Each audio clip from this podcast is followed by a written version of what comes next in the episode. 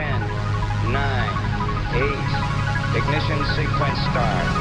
5, 4, 3, 2, 1, 0. Quantum leap. Salto quântico. Salto quântico. Salto quântico. Salto quântico. Quantum leap. Salto quantico. Salto quantico. Salto quantico. Kvantum, det du inte visste att du ville veta. Goddagens igen kära vänner, Markus Rosenlund är det här som talar och det betyder att det är dags att kvanthoppa lite under den kommande timmen. Idag ska vi bland annat tala om antidepressiva läkemedel. Är de till någon nytta, sist och slutligen? Jag menar, var varannan människa också i det här landet äter ju dem så det skulle vara inte så lite pinsamt om det visade sig att de inte har någon verkan. Det har ju kastats fram en och annan tes om att så är fallet på sistone. Men nu är det en grupp av svenska forskare som har gått igenom flera olika vetenskapliga studier kring antidepressiva mediciner och kommit till att de nog gör nytta trots allt. Det är alltså hyggligt effektiva medel. Det är absolut inte så att alla patienter blir bra på de här medicinerna men väldigt många blir det och de är mycket tydligt bättre än placebotabletter. Mer om det här i dagens kvanthopp. Så ska det också handla om tid. Vad är tid egentligen? Den moderna fysiken har haft förvånansvärt stora problem med att förklara vad tid är på riktigt. Är tiden den fjärde dimensionen, som åtminstone jag fick lära mig när det begav sig? Vissa menar att tiden inte ens existerar på riktigt. Mm, hur är det sist och slutligen? Bosse Ahlgren har grävt i det här och berättar mer lite senare i programmet. Annat som vi ska tala om i den här veckans kvanthopp är kvantdatorer som när de en dag blir verklighet i stor skala hotar göra alla våra nuvarande krypteringsmetoder värdelösa. Hackarens våta dröm är de kvantdatorerna, framtidens hyper-superdatorer. Men hur nära är de att bli verklighet? Och så ska det handla om 3D-skrivare som blir allt mångsidigare. De skriver inte bara ut plastföremål numera utan också metall och är väldigt nyttiga som vi ska få höra. Bland annat Norsk Titanium och General Electric använder dem för att tillverka delar till flygplan.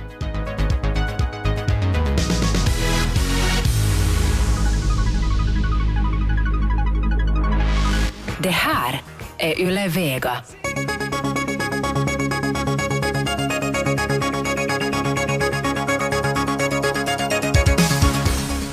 Två års mörker. Det är vad som väntade de överlevande från det jättelika asteroidnedslaget som inträffade för cirka 65 miljoner år sedan. Det som satte punkt för dinosauriernas tid på jorden. Nya datorsimuleringar av det här nedslaget ger en tydligare bild av atomvintern som följde efter katastrofen. De enorma mängderna sot från jordens brinnande skogar förmörkade himlen och ledde till att växternas fotosyntes blev omöjlig i nästan två år. Under en stor del av den här tiden var det ungefär lika mörkt som under en natt med fullmåne. Det här ledde till att bland annat havens växtplanktonstammar kollapsade vilket fick näringskedjorna att brista. 75 procent av alla jordens djur och växtarter dog ut. Speciellt hårt drabbades de havslevande arterna. Du kan läsa mer om det här på den amerikanska vetenskapsakademins webbplats. PNAS heter den.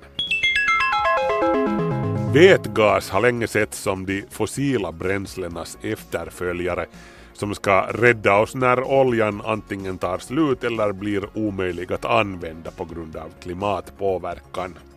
Problemet har hur som helst varit att det krävs stora mängder energi för att utvinna vete från vatten med hjälp av elektrolys. Men nu har en forskargrupp från Finland, Sverige och Vietnam tagit fram en ny katalysator som gör det möjligt att producera vätgas billigt och storskaligt. Den baserar sig på plastmaterialet melamin som förkolnas och blandas med koboltoxid och sätts i en ugn under tillsättning av acetylen. Det här får kolnanorör att växa fram. Enligt forskarna är en av fördelarna med den här katalysatorn att den kan användas på vanligt saltvatten från havet. Forskarna menar att systemet har potential att tillämpas i storskalig vätgasproduktion. Vätgas som sedan kan användas till att framställa klimatvänligt flygplansbränsle och diesel eller i ståltillverkningen. Ett nytt skadeprogram, så kallat malware, har på sistone spritt sig på webben. Det här nya skadeprogrammet använder samma säkerhetshål kallat Eternal Blue som WannaCry-viruset använde sig av tidigare. CoinMiner kallas det här nya otyget och det går alltså ut på att programmet installerar sig i din PC-dator och sedan börjar det, som namnet säger, bryta pengar, alltså använda din dators processor till att skapa nya kryptopengar i stil med bitcoin. Pengar som skurkarna sedan stoppar ner i sin egen virtuella plånbok. Trend Micro citerar en expert som kallar Coinminer för ett extremt välgömt och ihärdigt hot eftersom det körs i datorns arbetsminne. Microsoft har publicerat en säkerhetsuppdatering som i princip ska proppa till läckan men experterna rekommenderar ändå att man stänger av datorns möjlighet att köra så kallade WMI-skript som de här virusen utnyttjar för att ta över din dator. En vit jul på den röda planeten, är det ens möjligt? Svar nej, inte riktigt. Det kan faktiskt snöa på Mars. Eh, Nasas Phoenix-landare observerade till exempel lätt snöfall på Mars 2008. Men enligt en färsk analys är riktiga snöstormar faktiskt möjliga på Mars trots att den marsianska atmosfären innehåller betydligt mindre fukt än jordens atmosfär. En snöstorm på Mars, de sällsynta tillfällen då de inträffar, äger rum nattetid då molnen kyls ner efter att solen har gått ner. Men också då smälter de flesta av snöflingorna innan de når marken. Som en forskare säger som tähdet ett Avaros citerar, den lilla snömängd som blir kvar på marken räcker inte till för att göra en snögubbe.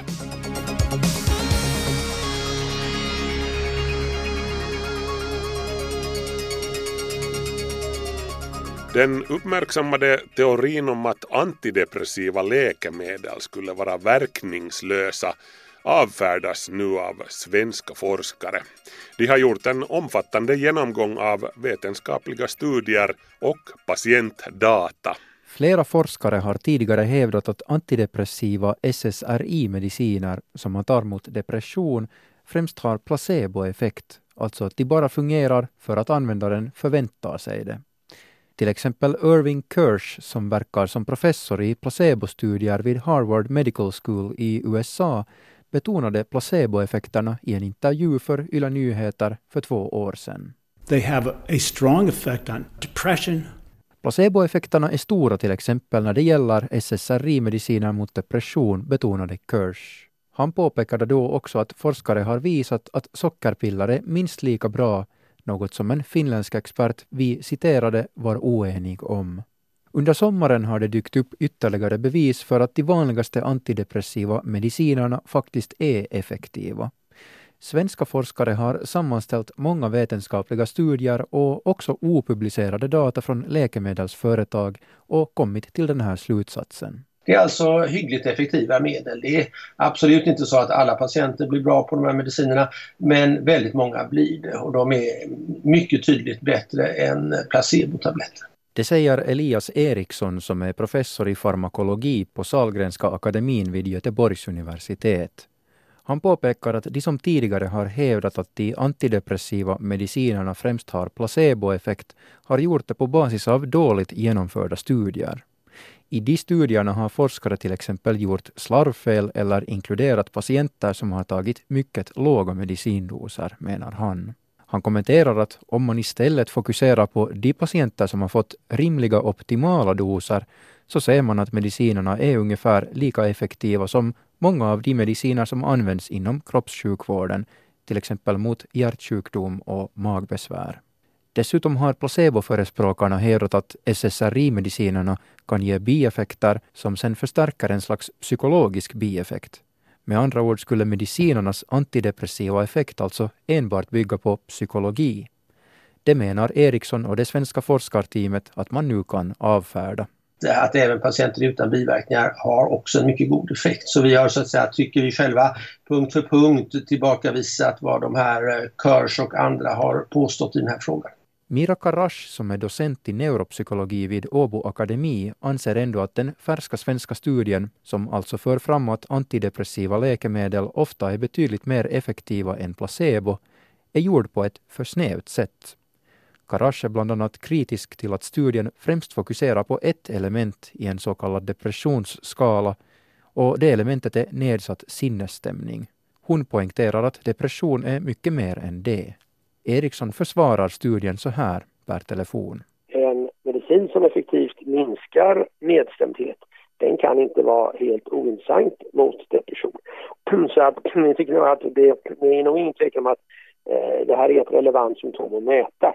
Mira Karash kritiserar också att Elias Eriksson i den svenska gruppen har kopplingar till industrin i form av forskningsfinansiering och föreläsningsarvoden och antyder att man därför kanske inte kan lita på forskningsresultatet. Professor Eriksson igen. Ja, det är ett argument man alltid får höra i brist på andra argument från alltid höra Då kan man säga så här att, att eh, de här läkemedlen vi har studerat i den här artikeln, där gick patentet ut för en massa år sedan och det betyder att läkemedelsindustrin är helt ointresserad av de här läkemedlen. De vill inte höra talas om dem längre för de gör nu nya medel som de som är mycket dyrare och som de vill marknadsföra. Så att just i det här fallet så är det inget läkemedelsföretag som blir minsta glada för att vi skriver detta, utan snarare blir de lite besvärade. Han påpekar också att det för en psykiater eller psykofarmakolog är nästan omöjligt att inte någon gång under livet samarbeta med läkemedelsindustrin om man vill påverka läkemedelsforskning. Eriksson säger att han nu med mycket stor säkerhet kan säga att de antidepressiva medicinerna är mycket bättre än sitt rykte. Vi har varit lite bekymrade över det faktum att det så ofta i massmedia, både i skandinaviska länder och eh, nordiska länder och andra eh, länder, eh, ofta framställs de här medicinerna som ineffektiva. Han säger att uppfattningen om att SSRI-läkemedlen är ungefär lika bra som placebo baserar sig på forskning som på sistone har ifrågasatts.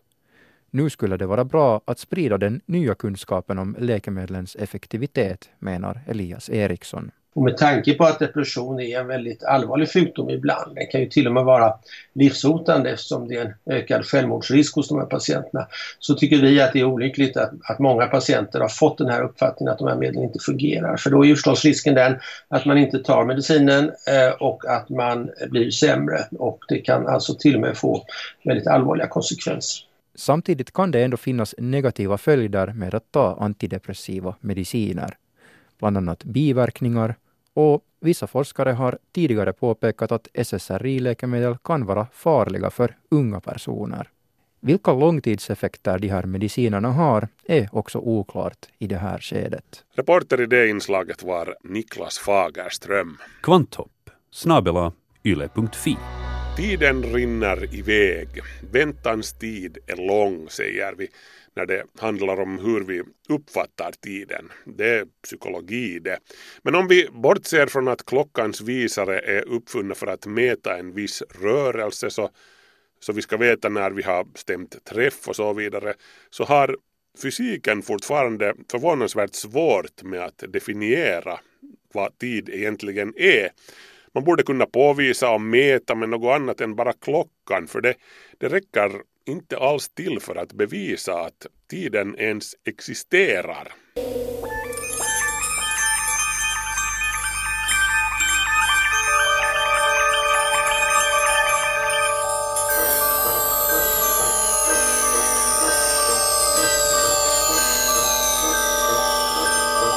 All irregularities will be handled by the forces controlling each dimension. När den här tv-serien sändes i början av 1980-talet så ville jag ibland gömma mig bakom soffan på grund av de skrämmande insikterna att det finns mörka krafter och okända monster bakom tidens väv som hotar att föra iväg både mig och alla andra. Den brittiska tv-serien med de två interdimensionella agenterna Sapphire and Steel var en komplex vetenskaplig tv-serie med en grundidé om att tiden är en väv som håller ihop vår dimension, men tiden har sårbara ställen där andra dimensioner ibland kan komma igenom för att utföra sina onda avsikter. Det här är en fascinerande teori om vad tid egentligen är och passar bra i en tv-serie, men när jag entusiastiskt börjar prata möjligheter med professorn i teoretisk fysik Kari Enqvist med kosmologi som specialitet så tar han mig snabbt ner på jorden. Jos niin pitää kiteyttää yhteen lauseeseen kysymys, mitä aika on, niin se vastaus on emme tiedä. För att sammanfatta svaret på vad tid är, så vet vi inte, säger Kari Enqvist och tillägger att det finns teorier men ingen av dem har någon förankring i forskning med belägg. Det finns bräckliga teorier om hur olika fenomen som hur tiden ser ut i väldigt små intervaller och vad som händer där.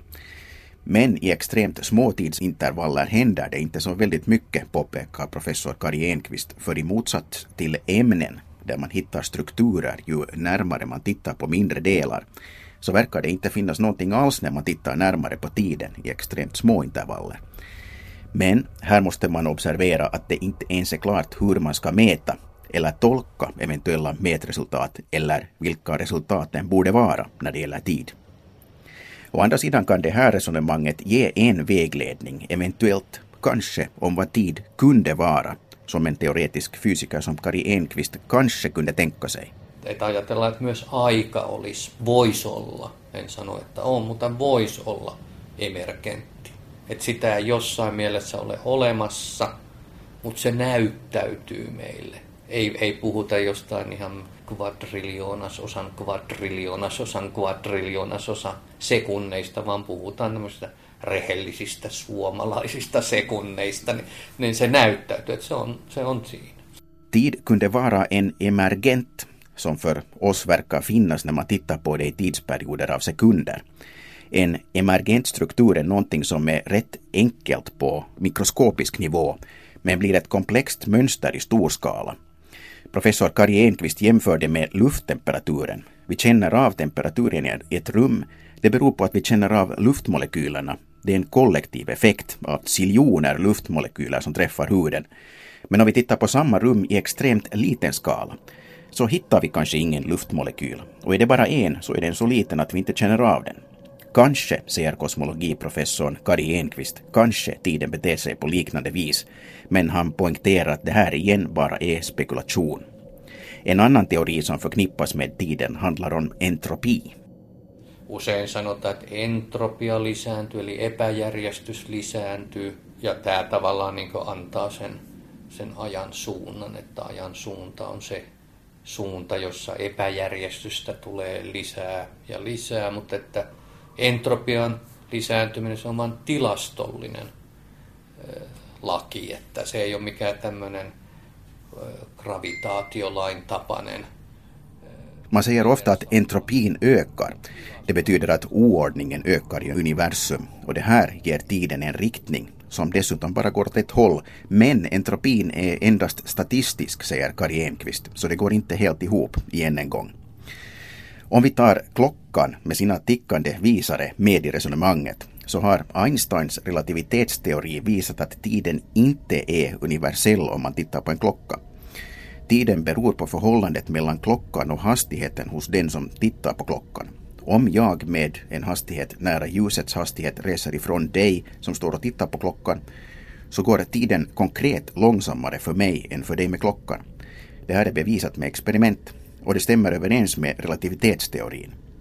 Klockan tickar även långsammare om du är nära en stor mängd materia, till exempel om du står på jordens yta, i förhållande till om du är långt ute mitt i rymden. Tiden är relativ och det här kan i sin tur hänga ihop med sanningen om tiden. Och det hänger ihop med problemet att få relativitetsteorin och kvantfysiken att gå ihop. Joskus on esillä nämä säijeteoriat, jotka on sitten sitä yritystä kvanttifysiikan ja painovoiman yhdistämiseksi. Ja jotenkin se on näin, että se ratkaisu siihen ajankin ongelmaan, se täytyy tulla. Se ei voi tulla mistään muualta kuin jos ja kun yhdistetään joskus kvanttifysiikka ja painovoima. Det finns till exempel strängteorierna som är försök att få kvantfysiken och gravitationen att gå ihop. Lösningen för tidens del måste finnas i den här ekvationen, säger Kari Enqvist. Gravitationen beskrivs av Einsteins allmänna relativitetsteori från 1915 och beskriver till exempel planeternas rörelser som påverkas av gravitationen. Men tittar man på elementarpartiklarna, materians minsta beståndsdelar, så rör de sig med andra principer än de som stämmer in på planeternas rörelser. Tid, rum och gravitation hör ihop, men vi kan inte i dagens läge förklara hur allt fungerar. Kari Enqvist försöker förklara hur tiden hänger ihop med det här. Painovoima on teoria siitä, mitä liikkeestä. Liike on jotain, joka tapahtuu avaruudessa ja ajassa. Ja jotta mä ymmärtäisin, että mitä on avaruus ja mitä aika, niin se ikään kuin tarkoittaa sitä, että myös se liike täytyy ymmärtää. Tai jollain tapaa ollaan oikealla jäljellä. No, no varmasti tietysti, koska ne fundamentit on siellä, että on avaruus ja on aika ja liike on määritelmän mukaan jotain, joka tapahtuu avaruudessa ja ajassa. Gravitationen en teori om rörelse som händer i rymden under en viss tid. Och för att man ska förstå rymden och tiden så ska man förstå vad som händer i rörelsen. Fundamenten finns, rymden finns, tiden finns, det händer någonting hela tiden och rörelsen är definierad som någonting som händer i rymden och tiden. Och tiden går bara åt ett håll. Vi uppfattar ögonblicket just nu men inte följande ögonblick, eller det ögonblick som precis just nu finns i det förflutna. Tiden går inte ens slumpmässigt bakåt, även om oordningen fungerar slumpmässigt. Det finns inga hållbara teorier om hur tiden kunde gå bakåt. Kuitenkaan meistä nähdä missään koskaan sattumalta nyt aika kulukin taaksepäin, vaikka on monia tilanteita, joissa niin toivoisi, että kelloja voisi kääntää taaksepäin, ei vähiten tämä Yhdysvaltain vaali. Det finns inga tillfällen där tiden av en slump skulle gå bakåt, även om man ibland önskade sig möjligheten att vrida klockorna bakåt som det amerikanska presidentvalet, säger professorn i teoretisk fysik vid Helsingfors universitet, Kari Enqvist. Filosofin talar om hur vi uppfattar tiden. Fysikerna letar efter konkreta, mätbara bevis för att tiden finns. Fast ingen forskar än så värst mycket i tiden för tillfället eftersom det är så svårt. Det finns andra, mer akuta problem att ta itu med, som universums mörka materia, svarta hål, Big Bang och sånt. Och vad skulle vi göra med svaret på vad tid egentligen är? Inte så mycket alls. Vi säljer inga fler prylar med svaret. Det finns ingen större export för landet att hitta i det här, säger Kari Enqvist. Livet går vidare på jorden som om ingenting skulle ha hänt. På samma vis som människorna för länge sedan tittade upp mot himlakropparna, funderade på vad de egentligen är och gick tillbaka till att se till att grottan är tillräckligt varm. Det handlar om andra saker. Se, se niin sen hyöty näkyy siinä, että mitä se, mitä se tekee meille ihmisinä. Että mikä on meidän maailman kuva, mitä me ajatellaan asioista, mihin me pistetään, kun ajatellaan ihmistä, että miten on, missä suhteessa ihminen on maailmankaikkeuteen. Ja tavallaan voisin vähän sanoa, että no ihan uskonnosta nyt sinänsä on mitään hyötyä, että ei sen avulla niin saada parempia kännyköitä ja vaikka kuinka rukoilisi. Niin. Mutta että tietysti se on osa sitä meidän ihmisyyttä ja voi sanoa, että että se, että miksi me nyt tutkitaan tällaisia asioita, miksi me tutkitaan, pohditaan, mitä on aika tai mitä, mikä alkuräjähdys. Siihen ei ole mitään mun mielestä muuta erityistä syytä tai vastausta kuin se, että se on osa sitä ihmisyyttä. Nyttan är vad svaret gör för oss som människor. Vilken är vår världsbild? Var är vi som människor i förhållande till världsalltet? På ett vis kan man säga att religionen inte heller ger oss någon konkret nytta. Man får inte bättre mobiltelefoner genom att be. Men det är en del av mänskligheten. Och varför funderar vi på vad tid är? Vad är Big Bang? Det finns egentligen inte något annat svar än att det är en del av vår mänsklighet. Sapphire and steel have been assigned. Det var Bosse Ahlgren som var reporter i det inslaget. Yle Vega.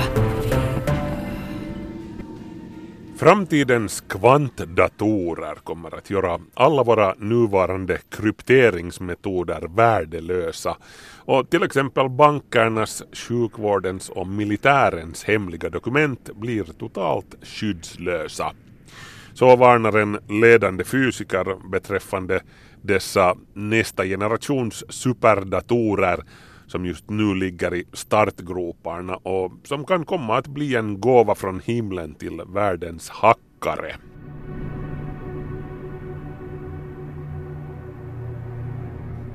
Och kvantdatorer, vad är de då? Det har talats om dem sedan det tidiga 80-talet men att bygga en sådan har hittills varit en övermäktig utmaning. Men vi verkar sakta men säkert komma till skott nu.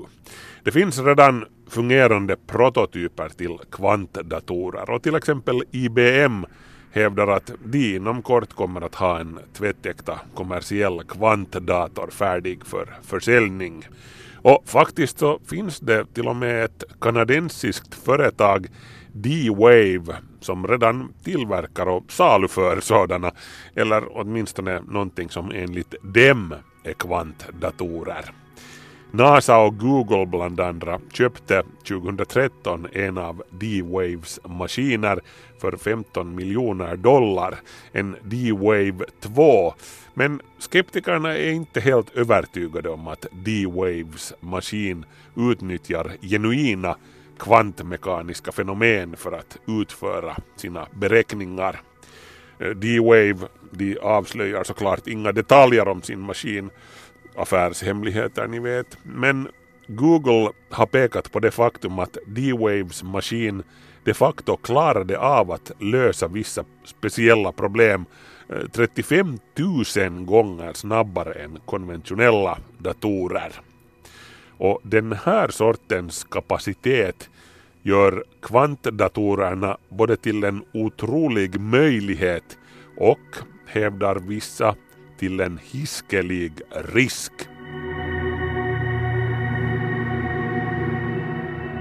Kvantdatorer skiljer sig från vanliga datorer på ett väldigt avgörande sätt. Grundenheten för information i en vanlig dator kallas bit som kan anta värdena 1 eller 0. Kvantdatorer i sin tur kör med kvantbittar eller kubitar med Q och U i början där en dataenhet kan anta värdet 1 eller 0 eller båda två eller vad som helst för värde däremellan på en och samma gång. Det här är vad man kallar superposition. Just det här med superposition är en av kvantmekanikens konstigheter som sätter myror i huvudet, till och med på förstå sig påarna. Fenomenet brukar illustreras med det berömda dubbelspaltsexperimentet där en och samma partikel verkar passera genom två olika springor i ett bräde samtidigt. Ett annat berömt exempel är det här med Schrödingers katt i sin låda, både död och levande, innan någon öppnar locket och tar sig en titt, vilket tvingar kvantkatten att bestämma sig och plötsligt är den antingen död eller levande. Och den här förmågan hos en qubit att vara både ett och noll samtidigt den gör att en kvantdator i princip blir mördande effektiv på speciellt en sak, att faktorisera primtal. Det här eftersom den kan jobba med en ohygglig mängd olika tal samtidigt. Och att faktorisera primtal, det är som sagt någonting som gör kvantdatorn speciellt åtråvärd bland speciellt en grupp, de som vill komma åt andras hemligheter.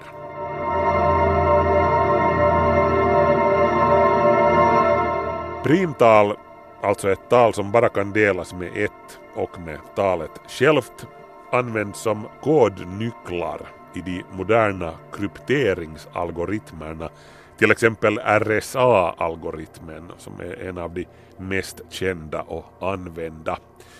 Att gissa sig igenom alla de cirka 4 gånger 10 upphöjt till 18, det är alltså en etta med 18 nollor efter eh, kända primtalen för att komma åt en kodnyckel skulle ta en evighet för en vanlig dator. Men för en fungerande kvantdator är det här inget problem alls. Den ser i princip alla lösningar samtidigt och levererar svaret mer eller mindre på fläcken. Därför skulle en fungerande högeffektiv kvantdator i teorin kunna knäcka alla nuvarande krypteringar och leda till en värld utan hemligheter. Bankerna, sjukvårdens patientregister, militärens alla topphemliga system inklusive stormakternas kärnvapenkoder. Ingenting av det här skulle vara tryggt längre, allting skulle vara inom räckhåll för den som har en fungerande effektiv kvantdator till sitt förfogande. En som varnade för det här helt nyligen på en internationell konferens för kvantteknologi i Moskva är Alexander Lvovsky som bland annat fungerar som professor i fysik vid universitetet i Calgary i Kanada. Lvovsky menade under ett tal inför konferensen att kvantdatorn, då den slutligen slår igenom, kan komma att bli ett inom citat ”weapon of mass disruption”, ett massförvirringsvapen ungefär. Han intog en klart pessimistisk position i förhållande till kvantdatorerna och hävdade att de är redskap för förstörelse, inte för skapande. Orsaken till det här är uttryckligen det att ingen längre skulle kunna lita på att krypterad information skulle förbli hemlig efter att kvantdatorerna kommer alltså, vilket skulle leda till kaos inom allt från politiken till finansmarknaderna och i värsta fall till tredje världskriget då Pentagons och Kremls militära hemligheter och koder skulle läcka ut. Nåja, vissa experter som reagerar på Lvovskis bedömning tror att det kan ligga någonting i det här. Andra intar en lite mer försiktig position. Eh, Vladimir Shalajev som är professor i datateknik vid Purdue-universitetet som Futurism har talat med menar att det här inte riktigt är så enkelt och svartvitt. Alla tekniska genombrott ger upphov till både goda och onda fenomen. Allt beror på vad man väljer att göra med dem, menar Shalajev och tar uppfinnandet av lasern som ett exempel. Lasern förändrade ju våra liv genom kommunikationer, kirurgi och flera olika sorters nyttig teknik. Men laser används också för att styra missiler till sina mål och därmed till att ta människoliv. Men det här är så som livet fungerar. Ingenting är entydigt gott eller ont. Allt beror på vad man väljer att göra med det, säger Shalajev. Han menar därför också att kvantdatorerna sannolikt kommer att användas till både konstruktiva och destruktiva syften. Precis som det gick med kärntekniken som både gav oss ett sätt att bekämpa cancer men också atombomber och allting däremellan.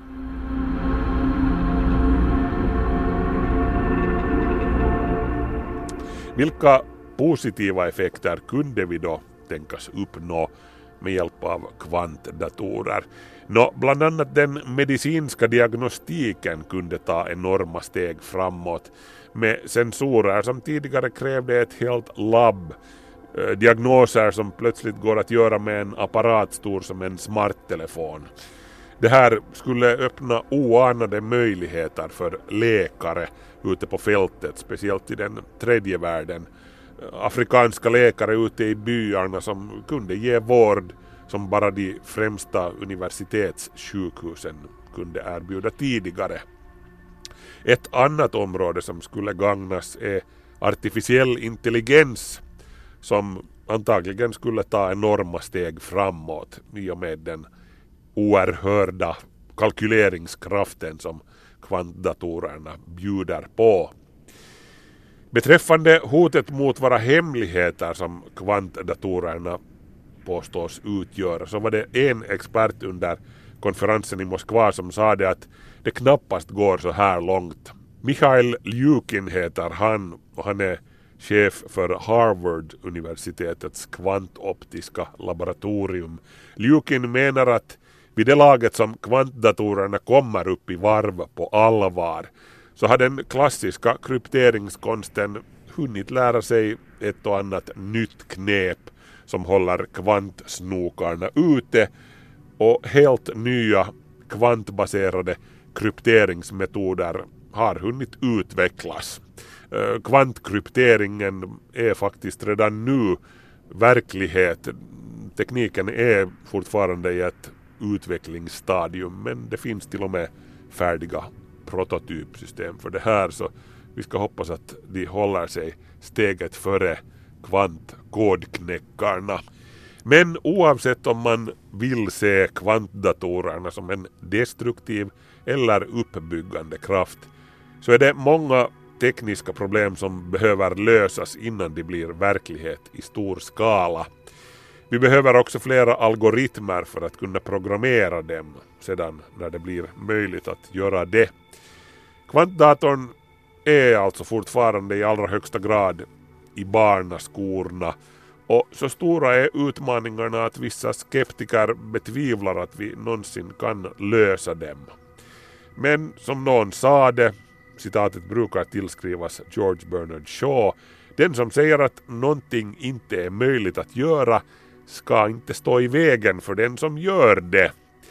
Och i det skedet är det kanske blyertspenna och ruthäfte som gäller för dig som vill behålla dina hemligheter.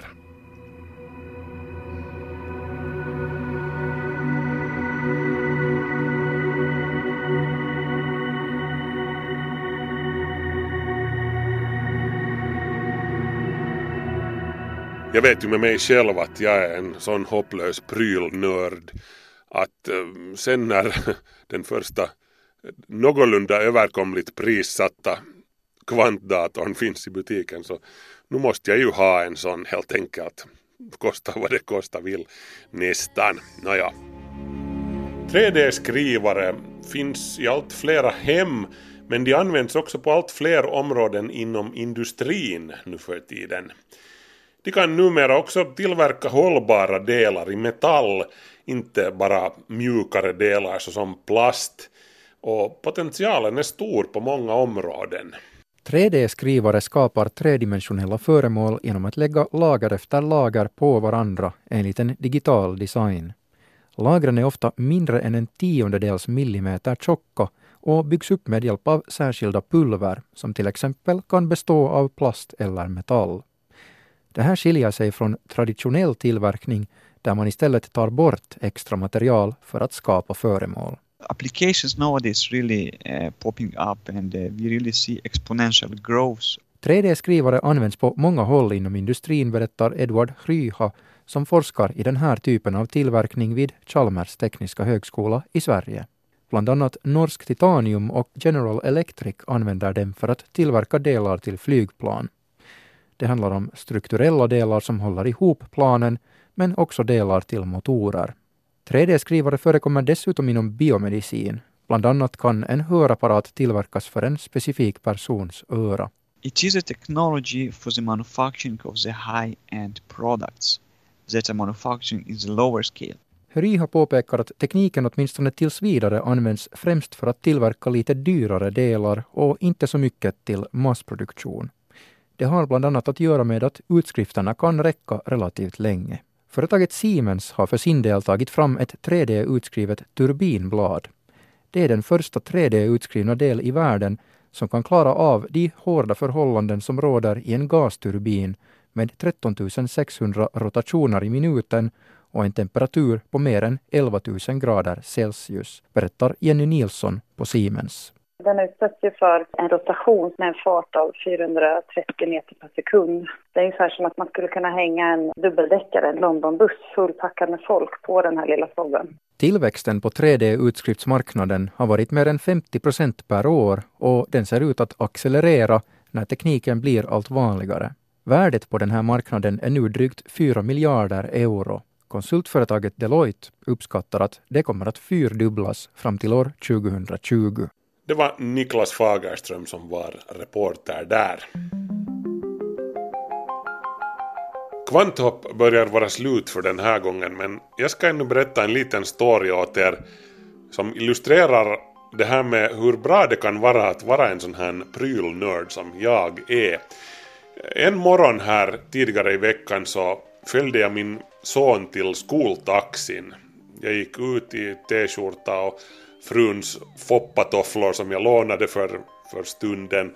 Och när vi hade kommit ut så smällde dörren fast bakom mig. Det var stark vind som blåste så, så den smällde fast. Och jag fann mig stående där ute på gården utan, utan nycklar, utan telefon, utan egentligen någonting utom fruns foppatofflor. Eller, jo nej, så jag hade någonting.